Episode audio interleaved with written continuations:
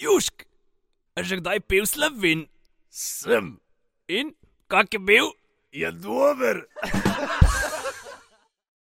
Pozdravljeni v še eni epizodi Kevder podcasta.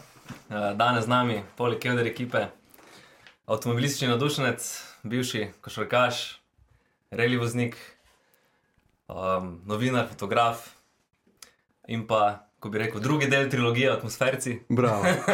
Najhitrejši atmosfer. Tako najhitrejši atmosfer z nami je sam. Pa ne dokazano. Hvala, hvala. Uh, dober uvod. Veš, jaz sem ponovadi. Uh, Se moram jaz pripraviti na te uvode, veš, kaj jaz predstavljam goste, ali pa Jure, ali pa Cirila. ne. Ampak danes, danes mi je pa malo hecen tako poslušati. Pa če lahko dodam, sam takoj neki.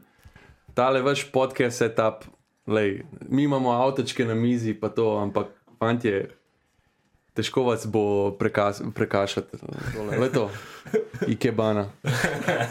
Svaka čast. Uh, tako jaz bi začel raj uh, tam, ker več vem, no, ne pa avtih, ampak pa košarki. No.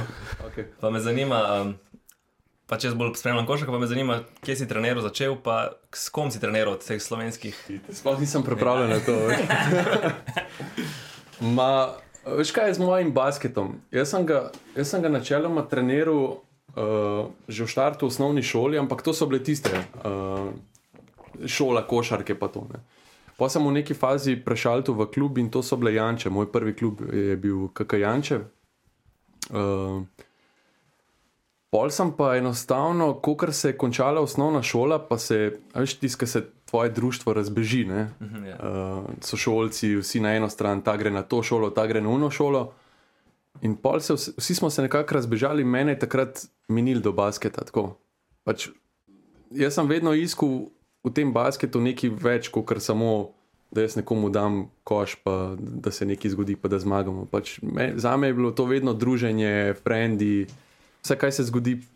Tudi v garderobi, pa, pa po basketu, pa pred basketom, pa ta potovanja, pa gremo na tekme, pa vse to. In takrat, ko se je ta družba malo razbežala, je mene minil. Ne?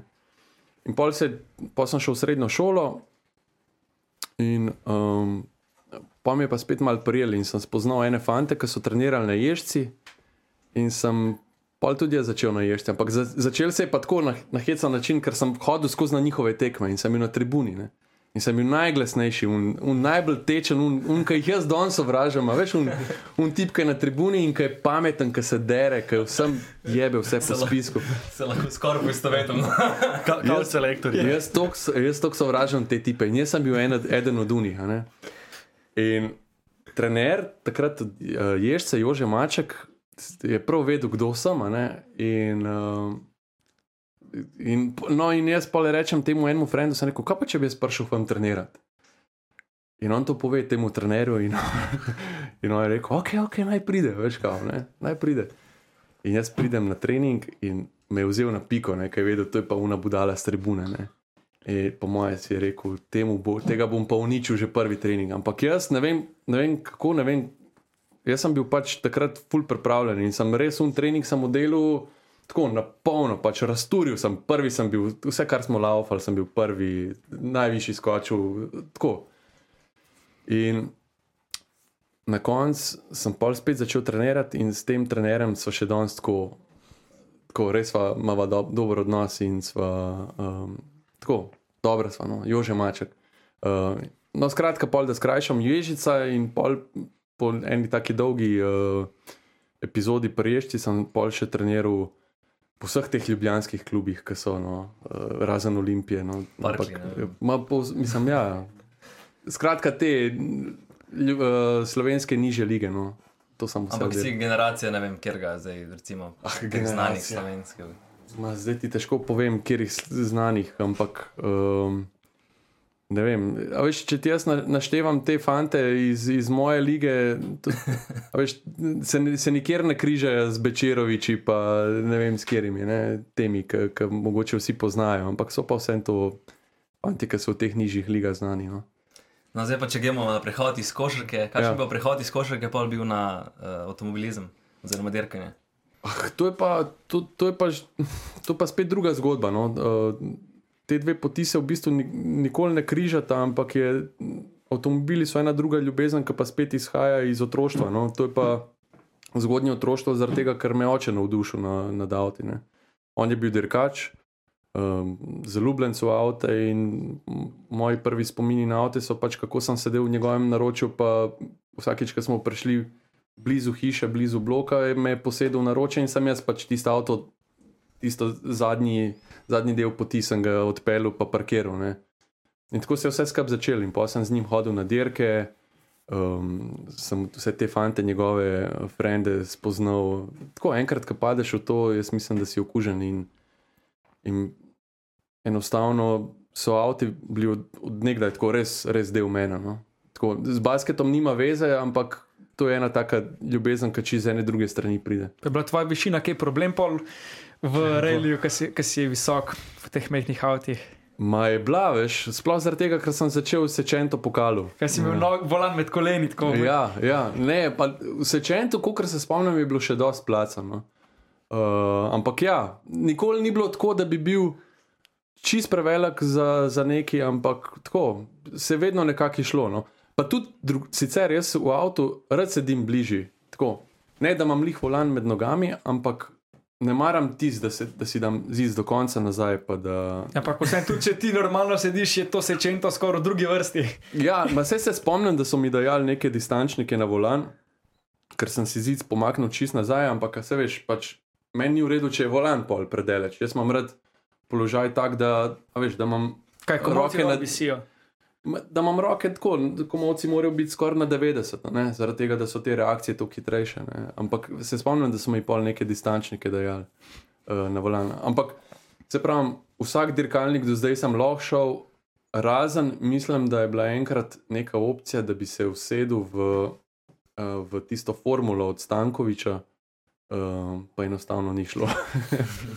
mislim, da, da ni šlo. Mislim, da sem tako cel, cel zgoren del mene ven gledal iz une formule. Tako. Kaj pa um KTM, crossbow, ti bi šlo.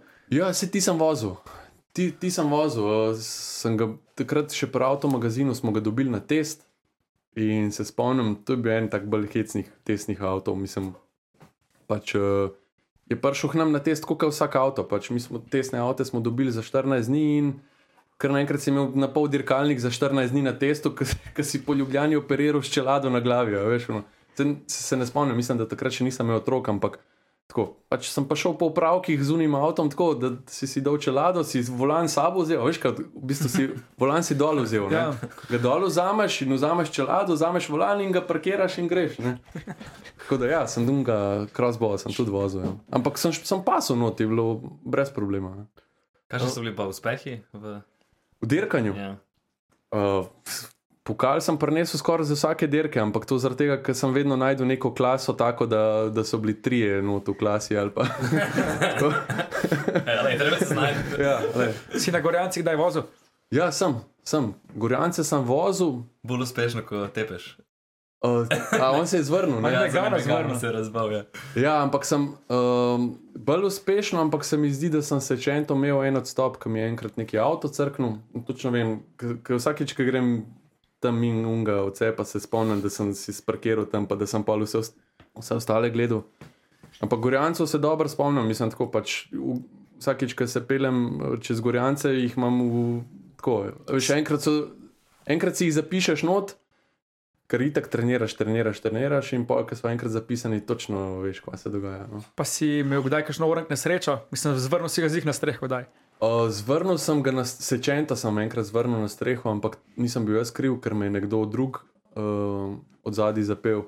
Te sečenti so itak tako, da so vedno napeti, ker so taki mali avtočki in v vsakem ovinku je. Vsakem ovinku je tako napet, da, da rabiš tako le mal, da gre na streho. Ne? In nekdo me je pač od zadaj mal obrnil in sem šel na streho, ampak nisem ga povalil, ne vem kolikrat, ampak samo obrnil. Pa obrnil se kontra, se spomnim, to je bilo na mobi krogu, še tam v crklah. In um, sem se obrnil kontra smer vožnji, pa nekje bolj od spredi sem štartil. Ne? In zdaj oni vsi, ki prihajajo proti tebi, Ti samo upaš, te- da gre levo, desno. Levo, desno, levo, desno, levo, desno. In ti sediš tako pač not obrnjen na glavo in sam gledaš une, kako grejo proti tebi. Veš? In pa, pa ko so šli vsi mimo, sam tako odpneš v pas, dol padeš pa ven iz avta. veš. Pa še zdaj spremljaš reli, mislim, VRC. Ma kokar ujamem. Kaj pa raj gledaš, formulo ali VRC? Ma se me tako, ker vem, da sem release po duši. Pa vem, da, mi, da če, če mi nekdo reče, hej, a greš voziti formula, greš voziti VRC, ma zberem VRC 10 od 10. Ne? Ampak ne vem, uh, format Formule 1 mi je bolj všeč za spremljati. Uh, če bi si pa mogel z dirko, kjer bi pa zbrati, kjer bi pa šel gledat, bi bil pa VRC. a ne. Ampak tako, za spremljati mi je pa formula bolj tako. Uno, nedelja, aha, ok, dirka je, se usedeš, pogledaš. VRC je tako, moraš začeti četrtek spremljati, petek se začne, kdaj so brzinci, aha, ok, kako je s prenosom, pa so puni bedni prenosi, kot tako, pač to ni to. Ne znajo, težko je VRC približati gledalcem, tako res. Pa je neverjetno, kako je zanimiv. Mislim, meni so te verce, kar gledamo teh posnetkov, so mi veliko bolj nori, kot po Formuli 1. Se mi zdi, da je pač vse tako manj varno okolje, kot je dirkališče, ki je formula, čeprav so nižje hitrosti, ampak še zmer, če greš ti 200 mem smrek, levo, desno, ni dosti bolj. Ja. Lin šopa. Ja. Ja, um, mislim tako. Uh, oboje je nevarno. Oboje je nevarno. Mislim, tako, se, se vidiš, kaj se zdaj dogaja. Ne Vem, enkrat so dali um, neko stezo, ki je nova, pride v koledar Formule 1, pa re- recimo Saudska Arabija, ne, pa, pa je noro nevarna, vidiš, ne, pri teh hitrostih, zaradi tega, ker Je mesto vse.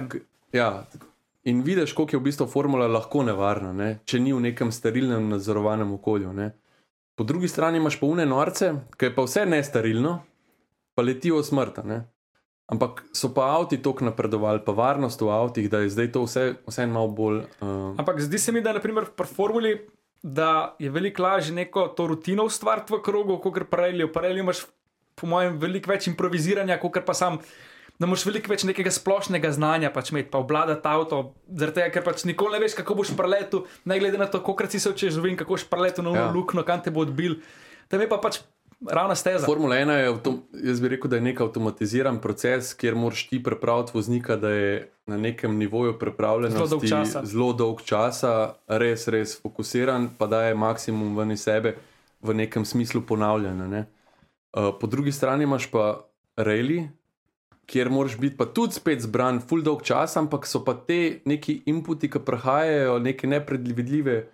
Um, Tam pa srna skoča, pa kar koli. Vse, veš, vse ne veš, ti, ti res da popišeš uno progo z nekim radarjem, pa greš pa enkrat mimo. Ne? Pa če enkrat greš, ali pa mogoče dvakrat greš na popisati progo. Ne? Ampak škaj se vmes lahko vse zgodi. Ta cesta je vmes en teden še odprta. Ne? En dež naredi luknjo na cesti. Ja. Dobro, te, te vrhunski dirkači pa ekipe imajo, imajo v bistvu voznike, ki grejo pred njimi še enkrat preveriti ta radar, ne? če, če je res prav popisan. Pa, ampak če si pa ti tlele nek dirkač v Sloveniji, veš, je. Kdo bo zate popisoval oziroma preveril? Kako je pa Reiliju s temi eh, sovozniki?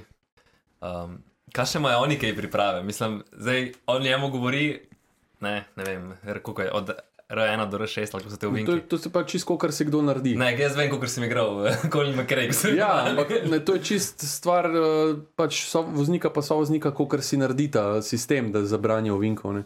Ampak ja, eh, so vozniki v reliju, so full, v bistvu podcenjeni. V bistvu, To je zaupanje. Kako da je oni, mislim, ka- kakšen je njihov vložek v, v končni rezultat. ne. To je, to je ekipa. Ne? Še vedno rečejo, ne vem, ta pa ta je bil svetovni prvak, ampak le, brez voznika je on, veš kaj, nula. Um, so, pa, so pa ena posebna sorta ljudi, to pa, to pa definitivno. Tako, jaz, jaz sem pač, moj sovoznik takrat v Reliju je bil Klemen Jerala, um, pol je itak, um, spoznala sva se v Se- Sečentu, pa je šel v men uh, za sovoznika, pa je pa tudi on vozil Reli. No, ampak hotel sem reči to, da sem ga občudoval. Mm, takrat, ko smo mi dva popisovala progo, ne takrat, ko smo vozila. Ne.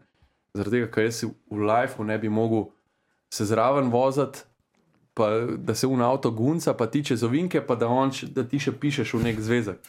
Tretji ovink jaz bruham, sigurno. Sej, na, bod na telefonu, pa pej čez gorjance, pa boš bruhu. Sigurno, sigurno. Pač. In že, že z tega vidika je noro. Pa, pa druga stvar je pa to, da ti svoj life zaupaš nekomu. Tako, pač. okay, vse tvoj pač teammate, ne? ampak vsem. Um, ne vem, a veš, vozniki so nagonsko naravnani k temu, da če pride do neke pizdarije, ne, ti zavaruješ najprej sebe. Ja, itak je. To ni, to ni zdaj neki, da, da si ti tak ego, pa da boš to naredil zaradi tega, ker ti ni do unga. Ampak to je avtomatično. ne. Se pravi, če pride do neke situacije, da ti rešuješ avto, boš ti vedno probo naštimati tako, da boš udaril z neko drugo stranjo. Ne? In zaradi tega, te, tudi zaradi tega so vozniki zelo uh, doskrat nastradajo, ne? oziroma večkrat kot vozniki in večkrat imajo neke poškodbe. Plus to, da so vozniki vedno pripravljeni na nek udarc, pa na, da se bo nekaj zgodil, so voznik vedno gleda dol. In on ni pripravljen. Ne? Pol, če si fer, greš direkt v smer, ko ne z levom, pa bokom. Ja. Kaj pa on vse zapisuje? Ja, kar, kar se zmenta spet. ne. Načeloma je tako. Ti, ti povem, kako sem jaz imel. Jaz sem imel pač stopnjo odprtosti ovinka od 1 do 6, uh, in potem pa vse vmes, kar je, je pa tisto, kar, kar ti želiš, da je, da je zapisano. Ne? A je to popeskan ovink, a je to, da se odpira na, na koncu, a je to, da se zapre proti koncu. A je to, um, ne vem, za tem ovinkom sledi še ta ovink, pa ga spusti mal, pa unga pol po bremzi. Tako pač vse, kar ti želiš, pa mogoče še razdalje med ovinki. Recimo, rečeš, ne vem, uh, desno 4, 100, levo 3, a ne. Tako, da, da veš, koliko je v bistvu do naslednjega ovinka. Um, je pa zanimivo, da sem jaz, tudi preden sem jaz šel v Reli, sem malo šel na YouTube naštudirati druge, kako, kako si to zapisujejo, ne, da dobim kakšno idejo. Ampak pr, takrat si pri nas dubu sam na YouTubu, ni bilo toliko velik posnetkov, ampak si dubu te idrice, a veš. Pisk. Ja, Ja, zjutraj. In oni so pač vedno tako, ne razumeš, pol stvari ne razumeš. In on je vedno rekel, pač po vsak drugo vink je bil, pazi piska. Ne? In jaz gledam tam lučke, se pražigajo, sem rekel, kaj pa piska, kaj njemu piska. Ne? Pač in pol, sem jaz rabo, ne vem koliko sajta, da, da sem ugotovil, da je to pesek, ne pazi piska. Ne? Tako da. Ampak so pa modeli, res, uh, idrci so. so to je itak meka slovenskega relija. da- Si videl tisti video, ki je Turk, pa se je en kontra prepel na derki Ja. z, z golfom. Scary, scary, fucking Ti scary. letiš 140 v Wings, nasprot pa enata, preleti. Tega, pa tega ni malo več. Mislim, tako, ok, valjda, da je zdaj vse tega manj, ampak to je. a Veš, lokalci, tako, malo ne štekajo tega. Mislim, govorim za izjeme, no, ne, ne za vse v- tako na splošno, ampak ti si zdaj v nekem njegovem okolju, tam se avti neki podijo, on je, kako, ti, kako jaz ne smem ven iz hiše, pa iti v trgovino ali pa iti pač do, do zidance. Jaz pač moram to tisti dan. In pol se skrega z redarjem, mu pobegne in je že na cesti tam, kjer oni pičijo 200 na uro. Ne? In lej, hiter je lahko, kaj ta se zgodi. Ne? Tako da, ne. Lahko jaz presekam, mogoče. No. Evo, gremo malo stran re, od relja za, za, za trenutek. Um, uh, prvi avto tvoj, kateri je bil? ja, je bil pa pol kar dirkalen, veš. Ja. tako da sem spet. Ja, sem spet nazaj.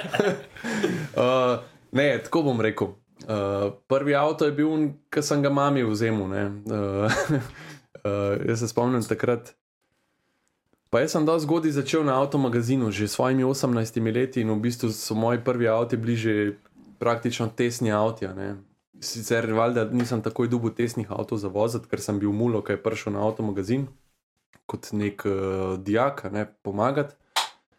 Ampak pol Sčasoma sem pa dobil te avte, tako da zelo kmalu jaz avta svojega nisem rabo. Ne?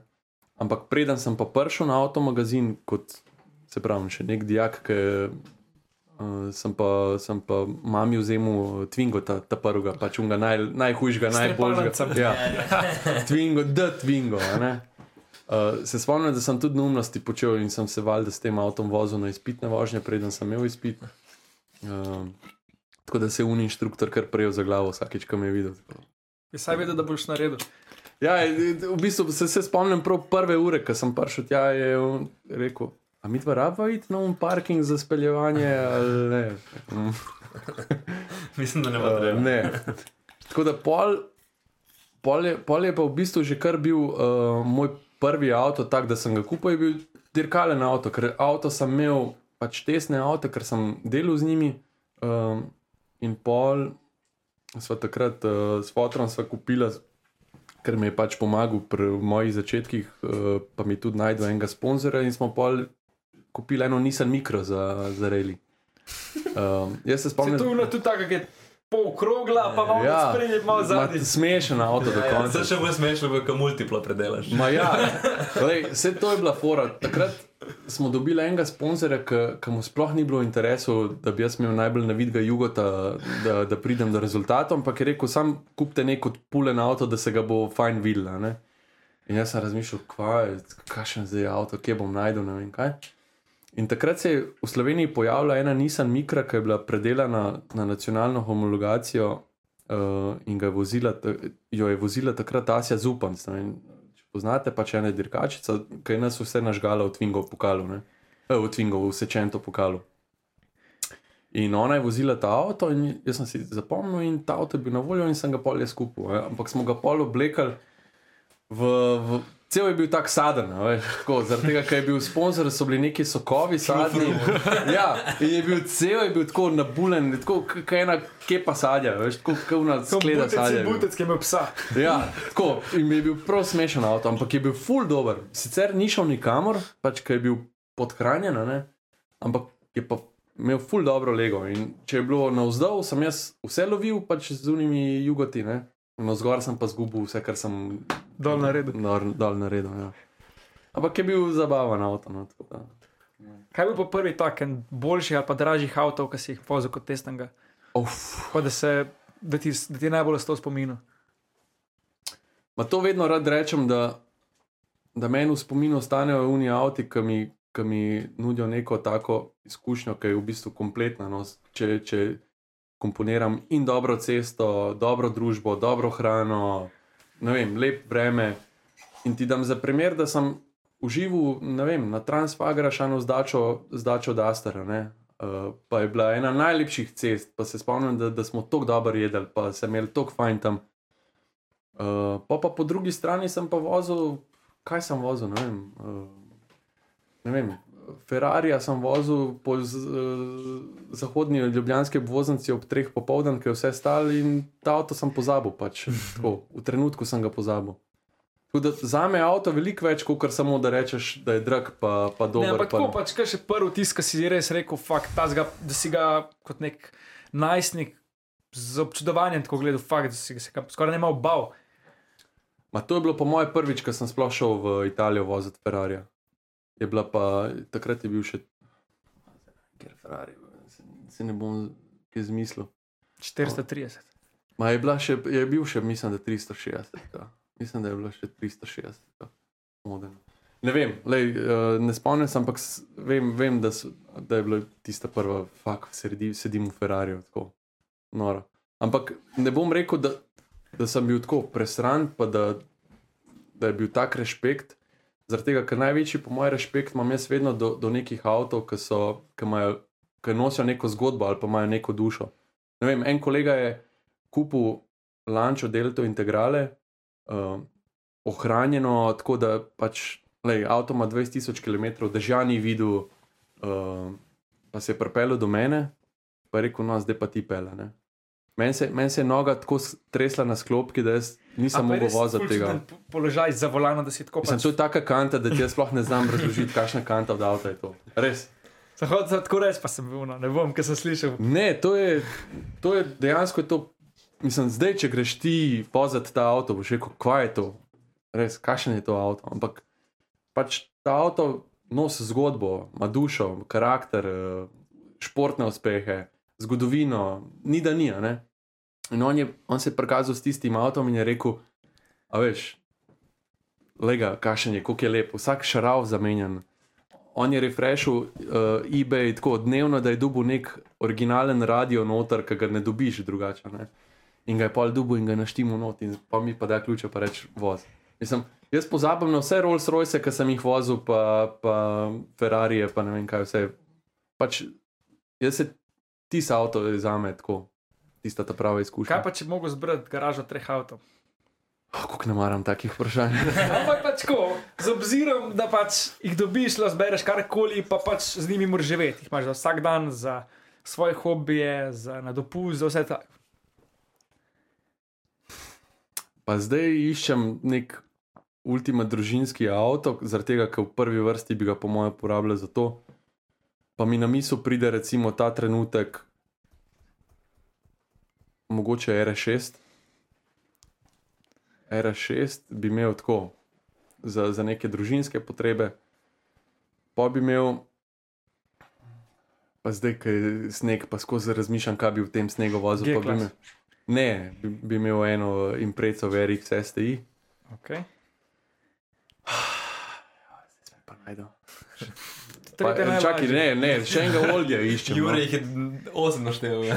Ne, še enega, pa zdaj, a veš, tri si.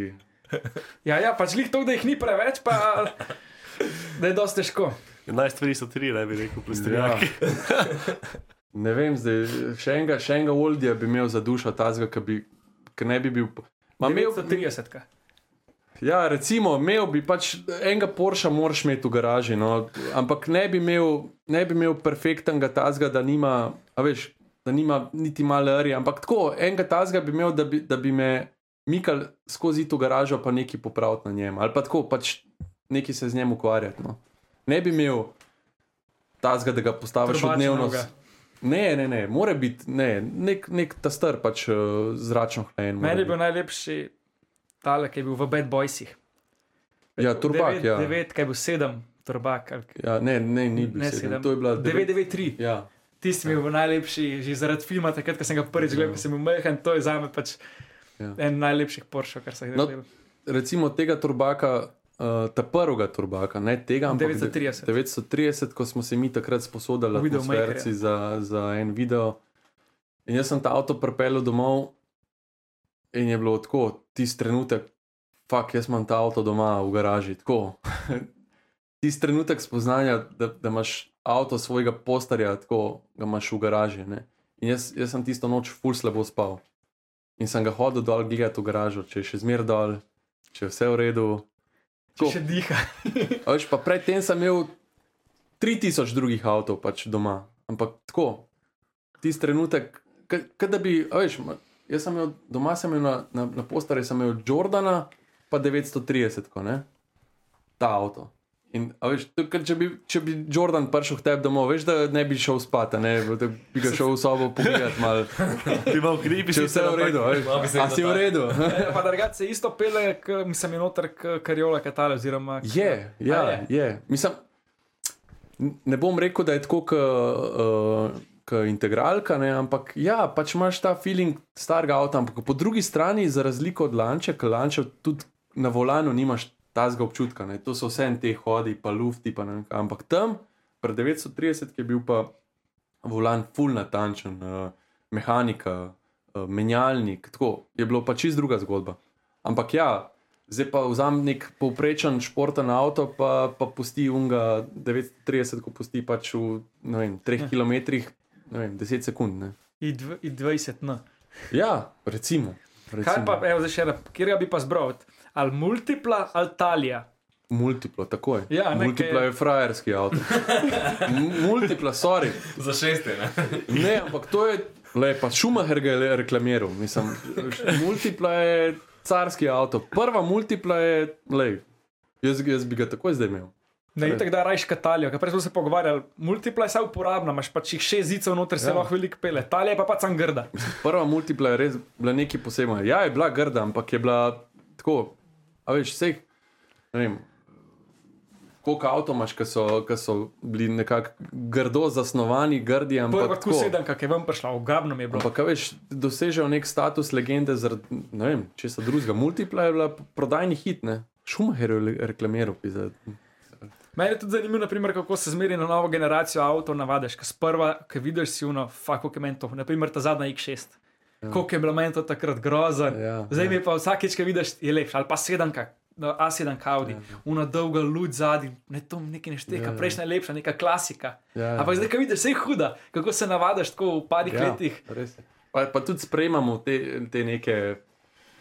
Te, ta neka križanja, karoserijska, a veš, tako na začetku so ti mal čudna, ne, eh, pa, pa pa tako dobijo nek svoj smisel čez, čez čas uporabe. Ne. Ali pa trg to pokaže, pač, da jih zanima. Ne. Ampak pri Porschu bom pa vedno rekel, da mi je prejšnja facelifta na 991.2 lepša kot ta, zadnja. A?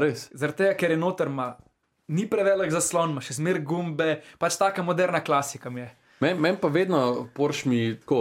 Uh, si rečem, pa se me ne morejo presenetiti z novo generacijo, pa nares kaj novega, da bi jim bo všeč.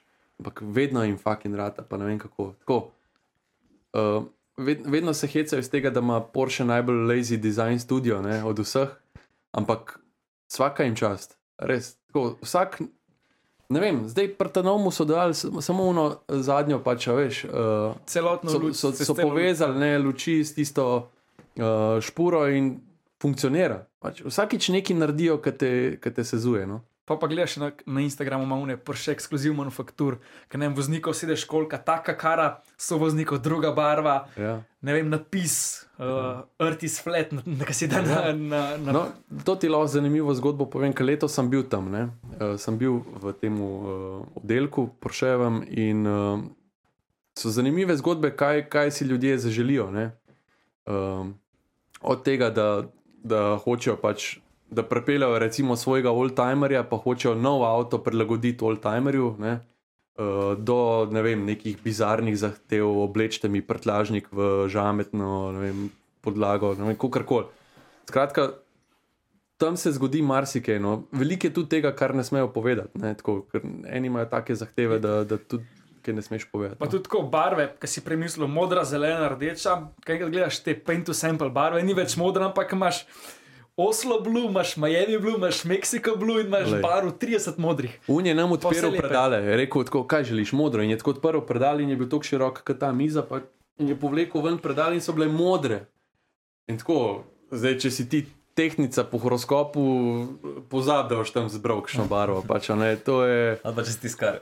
ja, tako Pa, pa grozno. zelene, pa so kapol gledaš na Instagramu, ne, PTS, pač od kanal, pa te barve, ki si lahko cel dopoledne sam gledaš vse, Ja. ja. sam, samo oranžne, na primer. Pos- pos- Poti pa itak, eh, poti pa reče, ja, če ti pa kera od teh ni všeč, pa si zber sam svojo modro. Ne? Sicer te stane toliko več, da jo mi zmešamo, zaradi tega, ker oni morajo vsako barvo, če se ti odločiš za svojo barvo.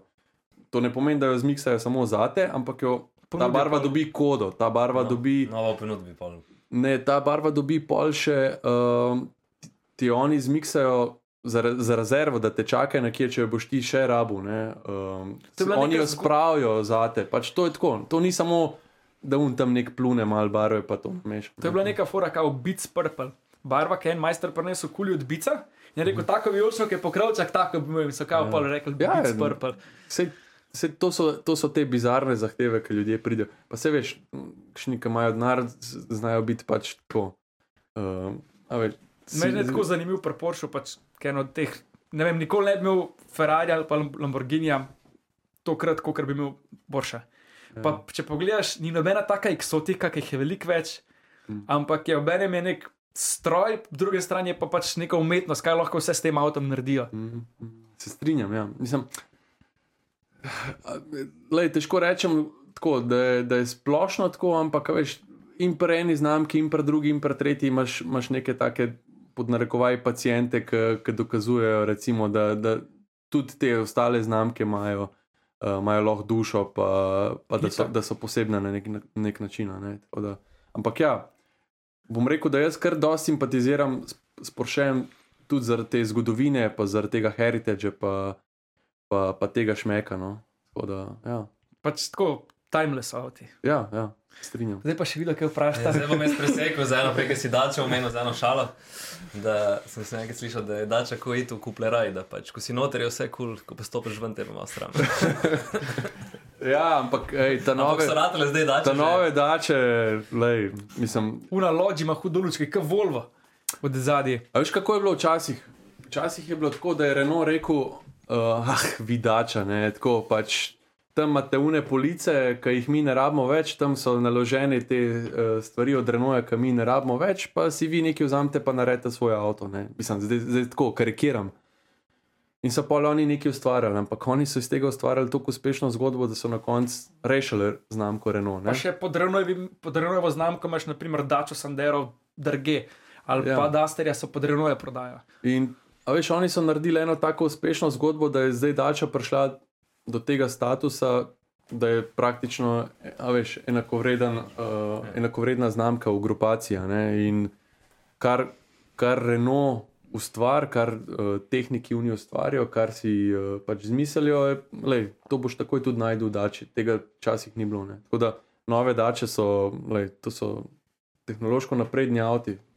Mislim, smešno se sliši, ampak motori so lih taki, kot urenujejo. No? Zdaj bi šel še malo do testiranja avtomobilov. Se pravi, testiral si jih verjetno na tisoče v življenju.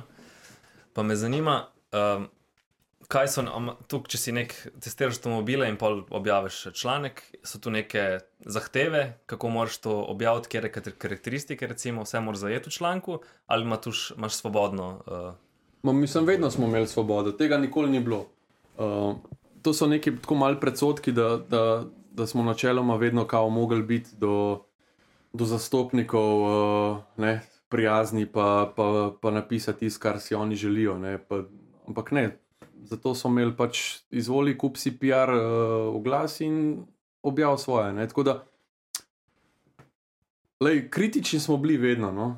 Vsaj jaz govorim za moje obdobje pri avtomagazinu. Uh, Noben nam ni zvil roke, kaj, kaj moramo napisati. Ne. Vsak, vsak avtor je imel neko svojo formo, po kateri je bil značilen, kako je pisal. Um, eni so bili malo bolj pesniki, eni so bili malo bolj uh, tehnično orientirani, ne? tako da, da so šli v tehniko. Se pravi, bolj subjektivna stvar. Ja, je bila, je bila. Se pač tebi zaupajo nek avto, ker ti si itak pač avtor, ne? si kvalificiran za to, drugače ne bi tam pač imel službe. Ne? In si dubo avto na test in izvoli, ne? to je tvoje mnenje. Pač povej, ne? in ljudje te upoštevajo. Mislim, jaz, sem, jaz sem vedno zagovarjal to, da jaz včasih, ko sem bral avto magazine, ne? jaz sem vedno pogledal, kdo je napisal test in vedno si nekako bil pripravljen uh, na to, kaj bo ti spovedal. Ne? Se, ne vem, če bi to Martin Česen, si, si požiral njegove pač besede, ker je on bil, veš, avtomobilski pesnik, ne? tako kot Jure Donsa. In uh, če je bil to nek, uh, ne vem, nekdo drug, si, si vedel, da bo malo bolj tehničen članek. Ampak vsi so imeli to svobodo, da napišejo v avtu, kar želijo. No? Nikoli ni bilo tako, da bi rekel, zdaj pa bo prijazen, pa, pa ne tega pa povedati, pa to za moč. Mislim, ja, če si kdaj kaj napisal, si kdaj dobil še en feedback uh, strani zastopnika, ja, pa zakaj ste to napisali. Ampak, le, če pa upravičaš, pa če poveš, za, zakaj, le, ker to pač ni šlo nikoli. Ne. Pa, pa če je to tako združenje teh uh, novinarjev in pol, recimo, za obstajajo ocene in potem. Slovenski se... avto leta. Ne, ne, mislim, bolj tako na evropski mm. ravni, ne zdaj. Ma ne, mislim, kako misliš, da bi. Ne vem, da bi, recimo, ne vem, deset novinarjev Slovenije, pa iz vseh ostalih držav, za en določen avto, mhm. vsi podali neko oceno in pol je, ne vem, neka skupna ocena na nekem portalu. Kaj za primer? Ma to, to ma, dlje, več kot teh, recimo, um, um, ne tekmovanj, no, izborov nismo imeli. Zdaj, da bi bil nek uh, splošen katalog, kjer bi bile podane vse ocene, ne. ne. Imel si pač uh, testiranje varnosti, ADAK, to je bilo neko tako veš, izhodišče za varnost, uh, ampak vse ostalo je bilo pa, ne vem, je bila pa res ocena novinarja. Ne. Mislim, zdaj, koliko je kdo koga upošteval, to je pa čist stvar, ne vem, vsakega bralca, potencijalnega kupca. Mislim, v, v tistih časih, ko sem jaz prav v tem magazinu, si pol dubo veliko nekih vprašanj, pa zakaj si to tako ocenil, pa, pa zakaj, si do, zakaj si rekel, da je to slabo zate. Ampak, lej, če si to ti zagovarjal na nek ta prav pravilen način, nikoli nisem imel težav s tem. Ne, jaz zdaj ti govorim na pamet. Meni, recimo, v Pežoju nikoli ni bil všeč. Uh, iCockpit. iCockpit. To, da jaz gledam na števce kao nad volanom. Se pravi, Pežo ima tako tisti mali volan, ki ga imaš praktično v, med nogami in ti gledaš nadštevce. Oni so to še zdaj do nemoglosti zagovarjali, da je to dobra rešitev. Ne? Za me pač ni. Jaz sem vedno napisal, da mi to ni všeč, ampak se je pa tudi po drugi strani najdel nek novinar, ki je mogoče tudi drugačnih mer, kot jaz, ne, ki je lepo sedel tisto avto ne, in mu je to sedelo in je pač dober videl. Zdaj on njemu je to dobra rešitev, meni je slaba. Ne? Kot je mu Berlingo, tako drug je pa brezvezen. Ma ja, ampak a, a, tako, jaz nekako, ampak sem vedno, ali so me uh, bralci, sledilci poznali, pa so vedeli, kakšen sem, da sem visok, da, da pač ne morem sedeti v enem avtu. In pol nekdo, ki je približen tak, kot jaz, je rekel, ok, to mogoče res ne špila. Ne?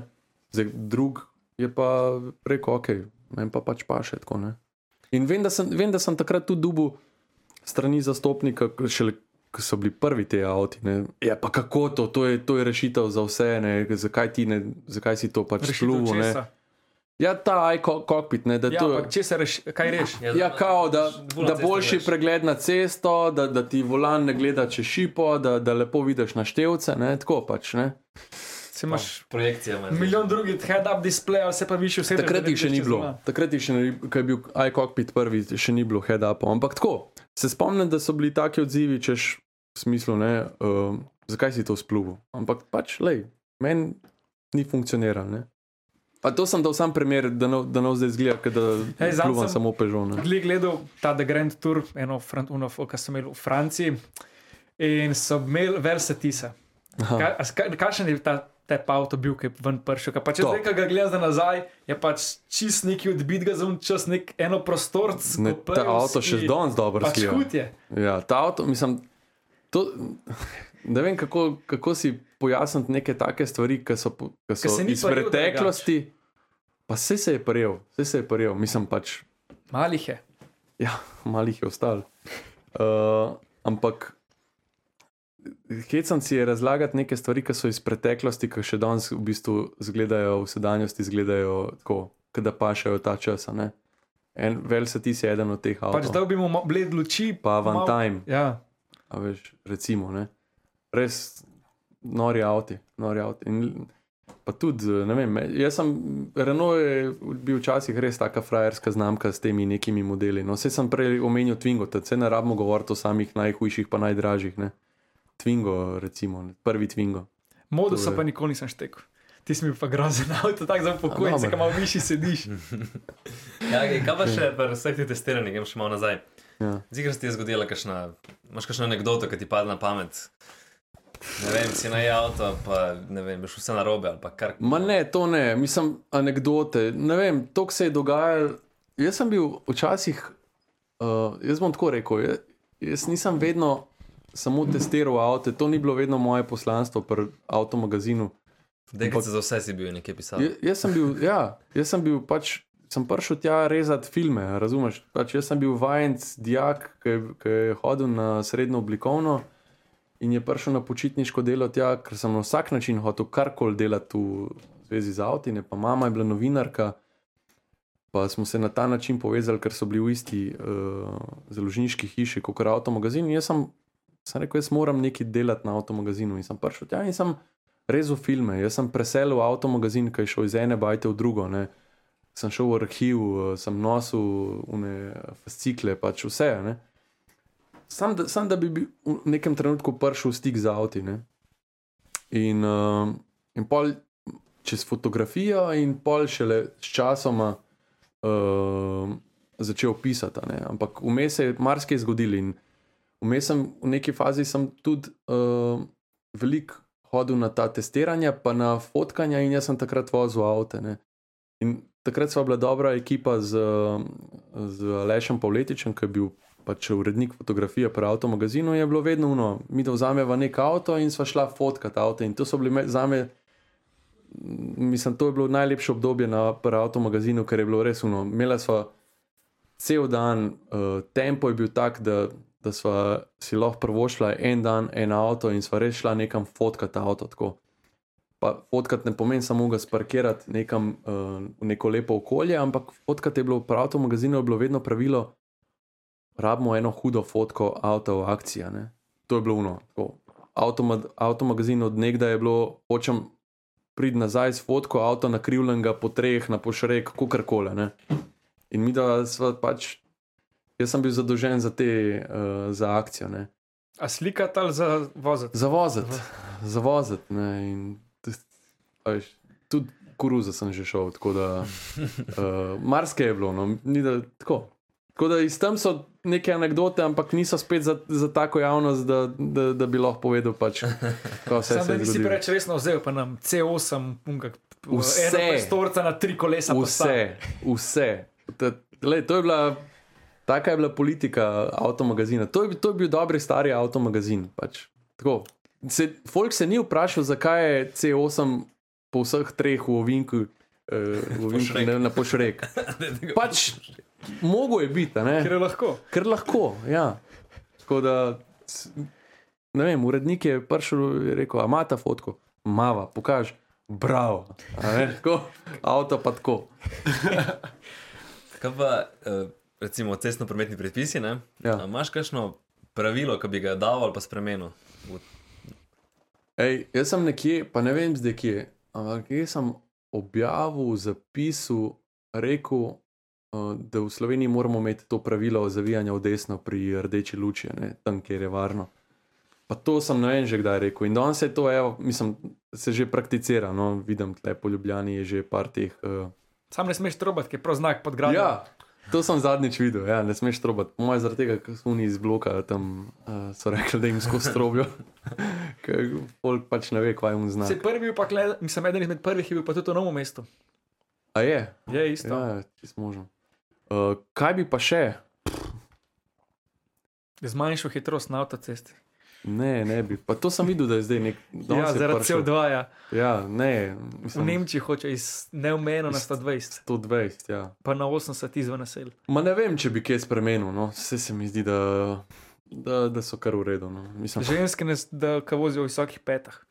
ja, ne, sem, ne pa, sem pa res alergičen na, na, na folk, ne, na, na folk, ki pa daje noge gor na armaturko. Uh, Z tega, ja, tudi jaz sem alergičen na to. folk, ki daje noge na armaturko, please, ne počnite tega, mislim, so, so vozniki, so voznice. To je. Sploh ne veste, kako, kako nevarno je to. Kako hitro lahko noge polomer be. Deseti polom. Res, mislim, lej, Pašeš koleno v usta, ne. lej, pa, pa veš, ne rab. Pa še čez. Ne rabi biti zdaj, ne vem, kakšen kreš, da se sproži airbag. Dosti da 20 ti, dosti da ti nek, ne vem, ptica neka preleti v, v sprednjem delu, ali pa ne vem, srna, karkoli, ne, pa se ti sproži v airbag. Ne. Ti noge ti- za vratom. A veš, kako se v airbag sproži? Ne vem, ste vi videli, da je to uživo. Pa, Ja, ker so ga dali, ko se je še gor usedel. Mislim, to je, ja, to je res. To je. Tako da polomte tisto.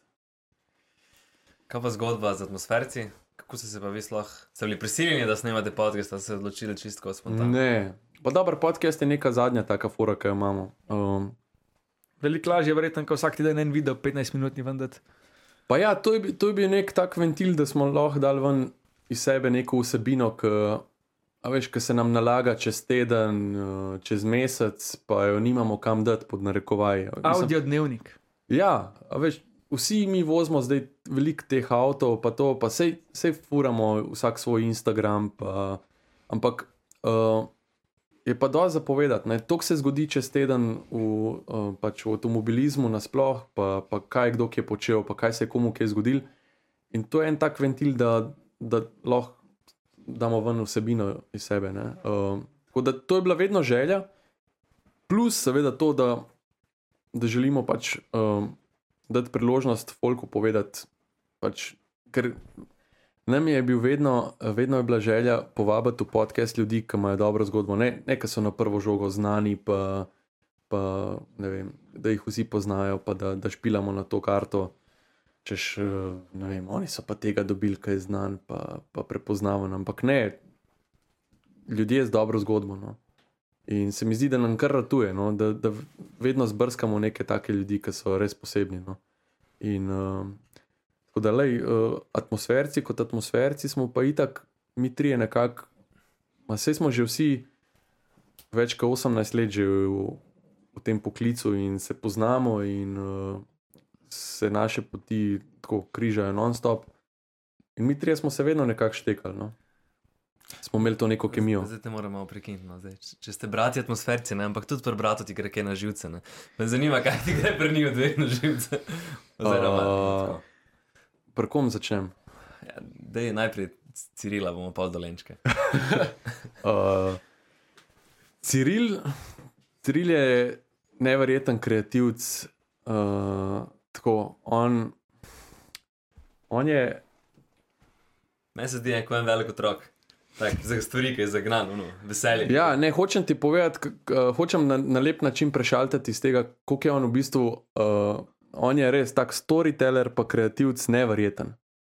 Um, po drugi strani je pa to lih problem, zaradi tega, ker on težko dobi nekoga, ki bi mu, a veš, pri tem pomagal na ta način, da, da, da on vse ta potencial iz sebe, zaradi tega, ker samo Ciril šteka sebe. Ne? In samo Ciril zaupa sebi, in samo Ciril zna narediti tisto, kar, kar je Cirila, ne? kar je komutar minuta. In on zdaj ne more zaposliti enega montažerja, da mu bo naredil uh, kviki ali pa video, tako kot pač ga Hoče, da naredi. Ciril. zamislil. In... In samo on to zna. In Ciril točno ve, pač, kje odrezati un kader. In, in on, je, on je tako, kot na prešercu, un, ki ima un eh, činele, boben, kitaro, uno ustno harmoniko. Pač on je one man band in on tako funkcionira. Ampak to ga po drugi strani tudi tepe, zaradi tega, ker mm, a veš, ne sfolga vsega. Ne? Premalo ur dneva je. Ja, Ciril bi rabo še enega sebe, da bi bil pač noro uspešen, pa da, da bi izhajal. Ne? Ampak to vse izhaja iz tega, tega, ker je, ker je pač tak kreativc, pa ker je tako sposoben, pa ker je tako dober v tem, kar počne. Ne? In uh, kdaj pa kdaj si pač uh, si nalaga preveč stvari, pa, pa življenje mu nalaga preveč izzivov. ne, In, in pa pride do tega, da, da, pač, da, da se mu mal zatakne na ta način, da mu zmanjka časa za, recimo, za atmosferce ali pa za, za kaj drugega. Uh, ampak, le, se pravi, to vse izhaja, iz tega, ker, ker je dober. Uh, Jure, Jure je pa sanjač, pesnik, uh, veš, ki ga je pa težko ustaviti. ne. Njega, njemu, ki za laufa, pač možgan, to je, veš, mi da ga moramo brenzati. Nje- Njemu vse, pa on vse vidi čez neko široko, dolgo formo. Ne, tako. Pri njemu že vsak story na Instagramu je nekaj, kar je prenaloadano z podatki, s tekstom. On, on ne zna tako, on ne zna veš, zožati neko stvar na, na tak minimum, da, da je to.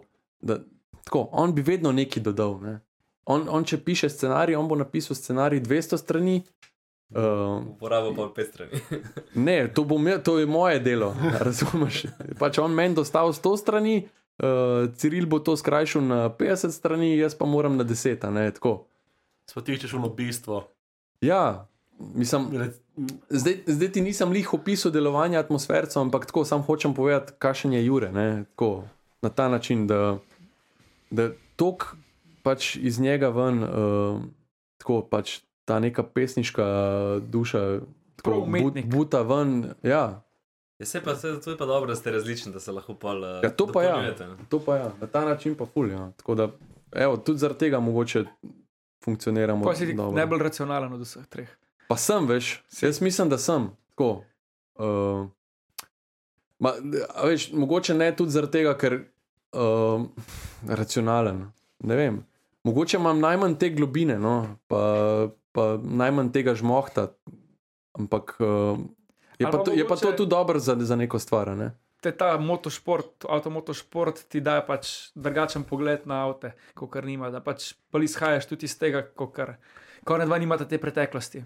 Ma ja, tudi mogoče. Ne vem, če je to lih zaradi tega, ampak um, jaz sem recimo dober v tem, da, da pridem do neke ideje. No? Tako, Pri pri nas tako, to tako funkcionira. Um, Kaj če Do- bi mi do- tanke vozili? ja, recimo, dobimo, dobimo neko idejo, kaj če bi mi tanke nosili. In pol se jaz začnem sprehajati po pisarni in ponovadi dobim neko neumno idejo, ki je dobra, ali pa dobro idejo, ki je neumna. Ne? Tako. In pol jaz doskrat dam to neko iskro, iz kjer pol začnemo mi uh, graditi. Ne? Recimo, zdaj, govorimo o sebi, ampak uh, recimo, da je to nek tak moj input pri atmosfercih. No? Da, Okej, da, pol- da, da, sem, da, da, sem, da sem užigalna svečka. No? Pol pol Ciril si to se za- zamislil, kako bi to. Imel ne, imelo neko smiselno Celota, obliko. ja. Jure, Pa Jure pa poišče un, neko ki zgodbo, Jure pa un, ki pa vse vrže nota, veš, tako pač, ki nareže vse, pa vrže v lonc not. Ne. Tako, jaz sem pa pol spet un, ki pa to spasira. Dobro smo se cerali zdaj tole. Ja.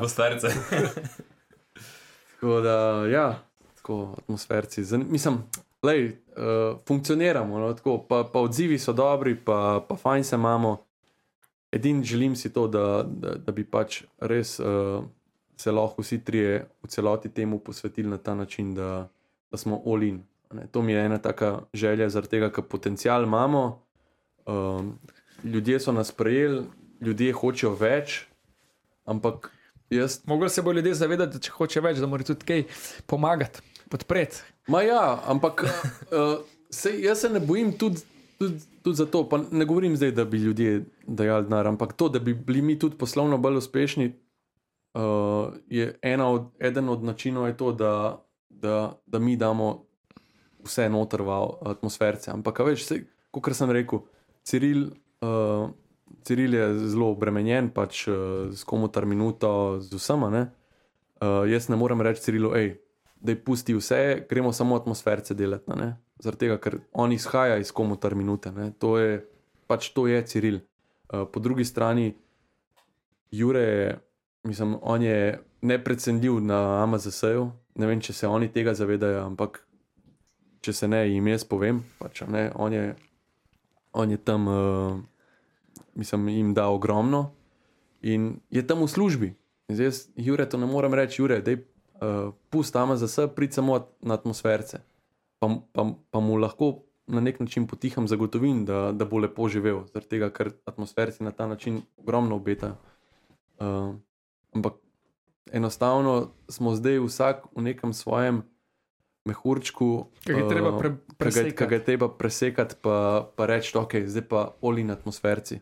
Ampak, lej, zaenkrat to, kar počnemo, pa to, kar damo atmosferce, super funkcioniramo. Res. Pa bo treba pa tudi enkrat presekati, da ni vse, kar je na internetu zastojn, pa ne, ne nosto vsega zastojn. Ja, lej, to, ja, pa... to je pa drugačne v Ameriki ali v Sloveniji. Ja, enkrat, ko daš. Presekaš. Enkrat, ko, veš, pač vse smo vajeni, da je na inter, internet nas je razvadil na ta način. Isto se zdaj dogaja pri teh uh, električnih avtih. Recimo, Ljudje so bili vajeni, da je to povsod za ston, da si filil te električne avte, kjerkoli si prišel, pa si ga preklopil, pa je bilo to povsod za ston. Zdaj pa pač kartica, pa, pa dobiš račun na koncu meseca, ne pa vsi.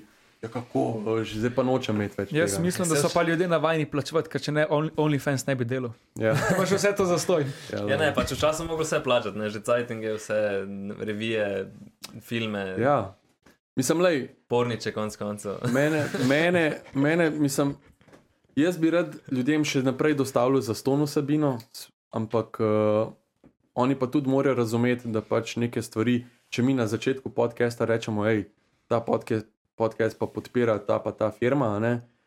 Mene boli, če pa preberem med komentarji, hej, pa zakaj morate vsakič povedati tiste, zakaj morate povedati. Pa le model, pa dal sem ti za ston dve uri vsebine, pa, ni, pa ne sem to. Mislim, vse sem tudi sebe dal, meni je to užitek pač prepravljati vsebino. Ampak tako, potrudil sem se, ne vem, naredil sem, uh, pripravil sem se na gosta, sem, sem prebral kaj v njem, pripravil sem si vprašanja. Uh, ne vem, produkcija, montaža, te stvari stanejo. Pač tako. A res moraš napisati iz komentarjev? Pa se da reč to po tujini, če poslušaš te nekakšne ameriške podcaste, je dosti normalno, da znaš prej. Ja, on da štiri reklame noter za ne vem kaj, za, za napitke, za Herbalife, pač noben ga tam ne more tukaj. Malej, pa, pa tudi se mi zdi, da uh, se ne bom rekel, da je slabo, se stvari izboljšujejo, ampak tudi uh, partnerji firme uh, počasi dojemajo, da, da je to neka oblika oglaševanja. Ja, ki funkcionira. No, lej, vem, naš zadnji podcast uh, s pilotom Miga 21 je pač je bil boom, totalen. To je, ne vem. Na YouTubu ima zdaj 60 tisoč ogledov, pa poslušam malo enkrat, to, mislim, lih še enkrat toka. A si ti predstavljaš, kakšna je to cifra? Zdaj pa te ljudi spravi v stožice. Kokrat ti nafilaš dvorano stožice, da sedijo primer, pa dve uri tako poslušajo. Prav, to je... Sam je to drugače, v neki bi prišli teh 60, če bi prišlo v, v stožice, bi bili veliko bolj investirani, ker so pač mogli to od doma, pa da so se kaj prepeljali, pa sedeli, pa poslušali. Vem, ampak. Sem bi dal tudi desetkrat več denarja, ali pa dvajsetkrat. Ampak, a veš, vse, se pravi, ljudje slišijo oglas, slišijo, ne, mislim tako. a Veš, Ja. ti, ti nekemu potencialnemu partnerju rečeš, da ljudje so dve uri poslušali podcast, ampak so pa tudi slišali tvoj glas. a veš, kakšna je to masa ljudi? Predvsem pa, ker imate dejansko take teme, da lahko poslušajo vsi, da ni zdaj samo za ljubitelje avta, samo za ljubitelje tega, ampak da dejansko vsi lahko poslušajo, je pač ful velika prednost tudi za vas. ne. Ja, ampak vsi, vsi imajo stik z mobilnostjo. To je, to je bilo neko Ja. izhodišče. pri Dobro, nas, če, tako pogledamo, vse stik z mobilnostjo. Vsi imamo, veš. Ja, vsi. To je bilo neko izhodišče pri nas. Ne rabi biti strogo v avtomobilih, eh, ne rabi biti tako. Fascinacija nad tehniko, nad, nad ljudmi, nad zgodbo, tako, zgodovino, vse. Ampak vsak gost ima lahko nek stik s tehniko, eh, z mobilnostjo. Vsak se je pelil iz točke A v točko B, redno operira na nekih razdaljah. Pač, tako, res se lahko pogovarjaš veliko stvari. no. Tako da, lej. No, da za proti koncu gremo, zdaj pa, če Saša ne bi bil novinar, atomistični, kaj bi bil? Of. Ali pa tako, no, Evo, ni, eno vprašanje, ki ga že dolgo nismo. Eh, pon- Ponovadi je bilo standardno, no, ampak ko je bila, vse noč smo zdaj omenjali korone, ampak bolj nas zanima, kaj med korono je gost počel, da je kakšen nov hobi ali pa kaj ta zmed, Med lockdownom. med lockdownom. tako. Uh, kuhanje je ful tako, ni Ne, ne, izmucano. super, super, super. Ne, ampak uh, v bistvu sem se vmes spomnil, tis, kaj bi počel, in je bilo zi- zihar bi bilo, kaj v vezi s potovanjem. No? Mislim, tako, sploh družinska potovanja so ena taka stvar, ki me tako noro veseli, da bi zadnji evro dal v to, uh, da, da pelemo otroke nekam, da gremo vsi skup nekam. Uh, to me ful veseli. No? In to, to zapomnijo si ti otroci, ta potovanja. Ma to, to jaz, jaz toliko uživam tem. Mislim, že jaz, kot jaz, uživam, da vidim neko stvar, ki je nova za me, ampak pa vidim njihove oči, kako to požerajo, pa kaj jim ti kaj poveš, pa, pa se kaj naučijo, pa kaj odnesejo od tega, pa ker so v nekem novem okolju, pa ker spoznavajo neko novo kulturo, pa ker probajo neko novo zadevo, neko novo hrano. Jaz toliko uživam, ki jih gledam tako. Pač, Ja, pa daj jim širino, že pod malih. Ful. nog, ja. Ful. Meni je to tako res neprecenljivo. No? In najdu bi nek način, da bi, da bi potovali po svetu, pa, pa ne vem, zdaj bi to lahko iztržil. ali Ne bi bil kakorkoli. poloautomobilistični influencer, ampak uh, ta. Ma ne turizem. vem. Turistični. Ma ne vem, ej, ampak, zmeri isto influencer. ej, ampak ti povem tako čisto iskreno, iz vsakega potovanja, ki smo prišli nazaj, ali pa že med samim potovanjem, uh, jaz, jaz ta potovanja zapakiram na tak način, pa mogoče tudi pokažem, da, da dobim ogromno, ogromno vprašanj, kje si to bukiral, kje si najdel to, kako, si, kako ste sem prišli. Uh, tako, ogromno, kam ste šli jesti, kaj ste to počeli, kako si letel, kako si prišel v to državo. Teh vprašanj je ogromno. To je še eno od tistih aspektov našega poklica, ki jih ljudje pač ne vidijo. Ne? Da mi na koncu dneva, ob, uh, potem, ko objavimo neke storije na Instagramu, imamo 20, 30, 40, 50 vprašanj, totalno resnih, na kere odgovarjamo. Ne? In mi vsakeč, ko se, pogovarjamo z nekom, da, da o nekem sodelovanju ali je to prek Instagrama, je to vedno, aha, ok, koliko storijo objavite, aha, kakšen je doseg. Ne? Tako, samo gole neke številke, ampak na koncu dneva imaš ti toliko enih vprašanj, na kere odgovarjaš strokovno, pa čist resno, pa ljudje na koncu koncev prihajajo li zaradi teh iskrenih odgovorov, pa zaradi teh strokovnih nasvetov nazaj k tebi. In zdaj, a je to potovanje, v, moj, v mojem primeru so to večinoma avti, in lahko bi bilo pa tudi potovanje, zakaj ne. Ja, to so polni zvesti sledilci, ki te dejansko spremljajo. Ne pa, ne vem. Ja, pa, imajo eni na Instagramu, ne vem, 100 jurjev followerjev in pa imajo, ne vem, 800 komentarjev, ja, lajkov. ne, No. 800 lajkov, ne pač. ampak recimo. jaz sem ful ponosen na to, da, da bom rekel, da nimam, ne vem, eh, koliko tisoč, deset tisoč sledilcev, ampak da imam nek svoj krog teh ljudi, ki se vrača k meni po vsebino. To je meni toliko bolj važen. Ne vem, temu se baje reče mikroinfluencerstvo, ampak jaz, jaz z veseljem ostanem na tej poziciji, ki sem, zaradi tega, ker mi je full dobro, ker uh, vidim pač tudi po številkah, glede na to, koliko imam uh, sledilcev, pa koliko ljudi pogleda nek story, da je to pač ena taka vsebina, ki ljudje radi pač konzumirajo. Ne? In tudi ta, ta interakcija, no, da, da jaz, jaz hočem, da imam na koncu dneva tam nulo gor uh, neodgovorjenih pač, ne, vprašanj. Zaradi tega, ker vsak mora da odgovorim. Ker to niso samo, jaz res lahko objavim neko neumnost o nekem avtu ali pa nek smešen story. Ampak zdaj ne vem, včeraj sem bil na um, tem Renaultu Avstralu ne, in smo imeli tehnično izobraževanje. Ne, in tam smo zvedeli ogromno nekih stvari. So, iz Renaulta so pripeljali uh, francoza, ki je odgovoren za, za razvoj motorja oziroma pogonskega sklepa, sklopa tega avta. Ne. In on je nam eno uro razlagal o tem avtu vse. Ne. In uh, na koncu dneva sem jaz imel tri vprašanja, totalno tehnična, čeprav sem objavil vmes, veš, in hrano, in hotel, in ne vem kaj vse, ampak jaz sem unim trem sem odgovoril tako, kot je un meni povedal in kar sem se jaz naučil. Ne. In to je meni ful pomemben, pač da, da jaz znam na nek način pokazati, ja, štos, ja, zanimiv avto, ja, izkušnja, taka kot taka, ampak sem pa tu tehnično podkovan, da lahko nekomu nekaj svetujem. Ne. Saj Jurij je bil isti, rekel, da on to odgovori na en kuk na Instagramu vprašanj. Tega je ful, ampak, ampak to, je, to moraš vzeti kot veš, del poklica. No? Ja, jaz sem si zdaj izbral to platformo, včasih sem bil na, na avtomagazinu in je bilo hecam, ker tega feedbacka je bilo ful manj. Ti si napisal članek in si dal pač v tisk in si svoje naredil. Ne? Redko kdaj si dobil pač nazaj feedback.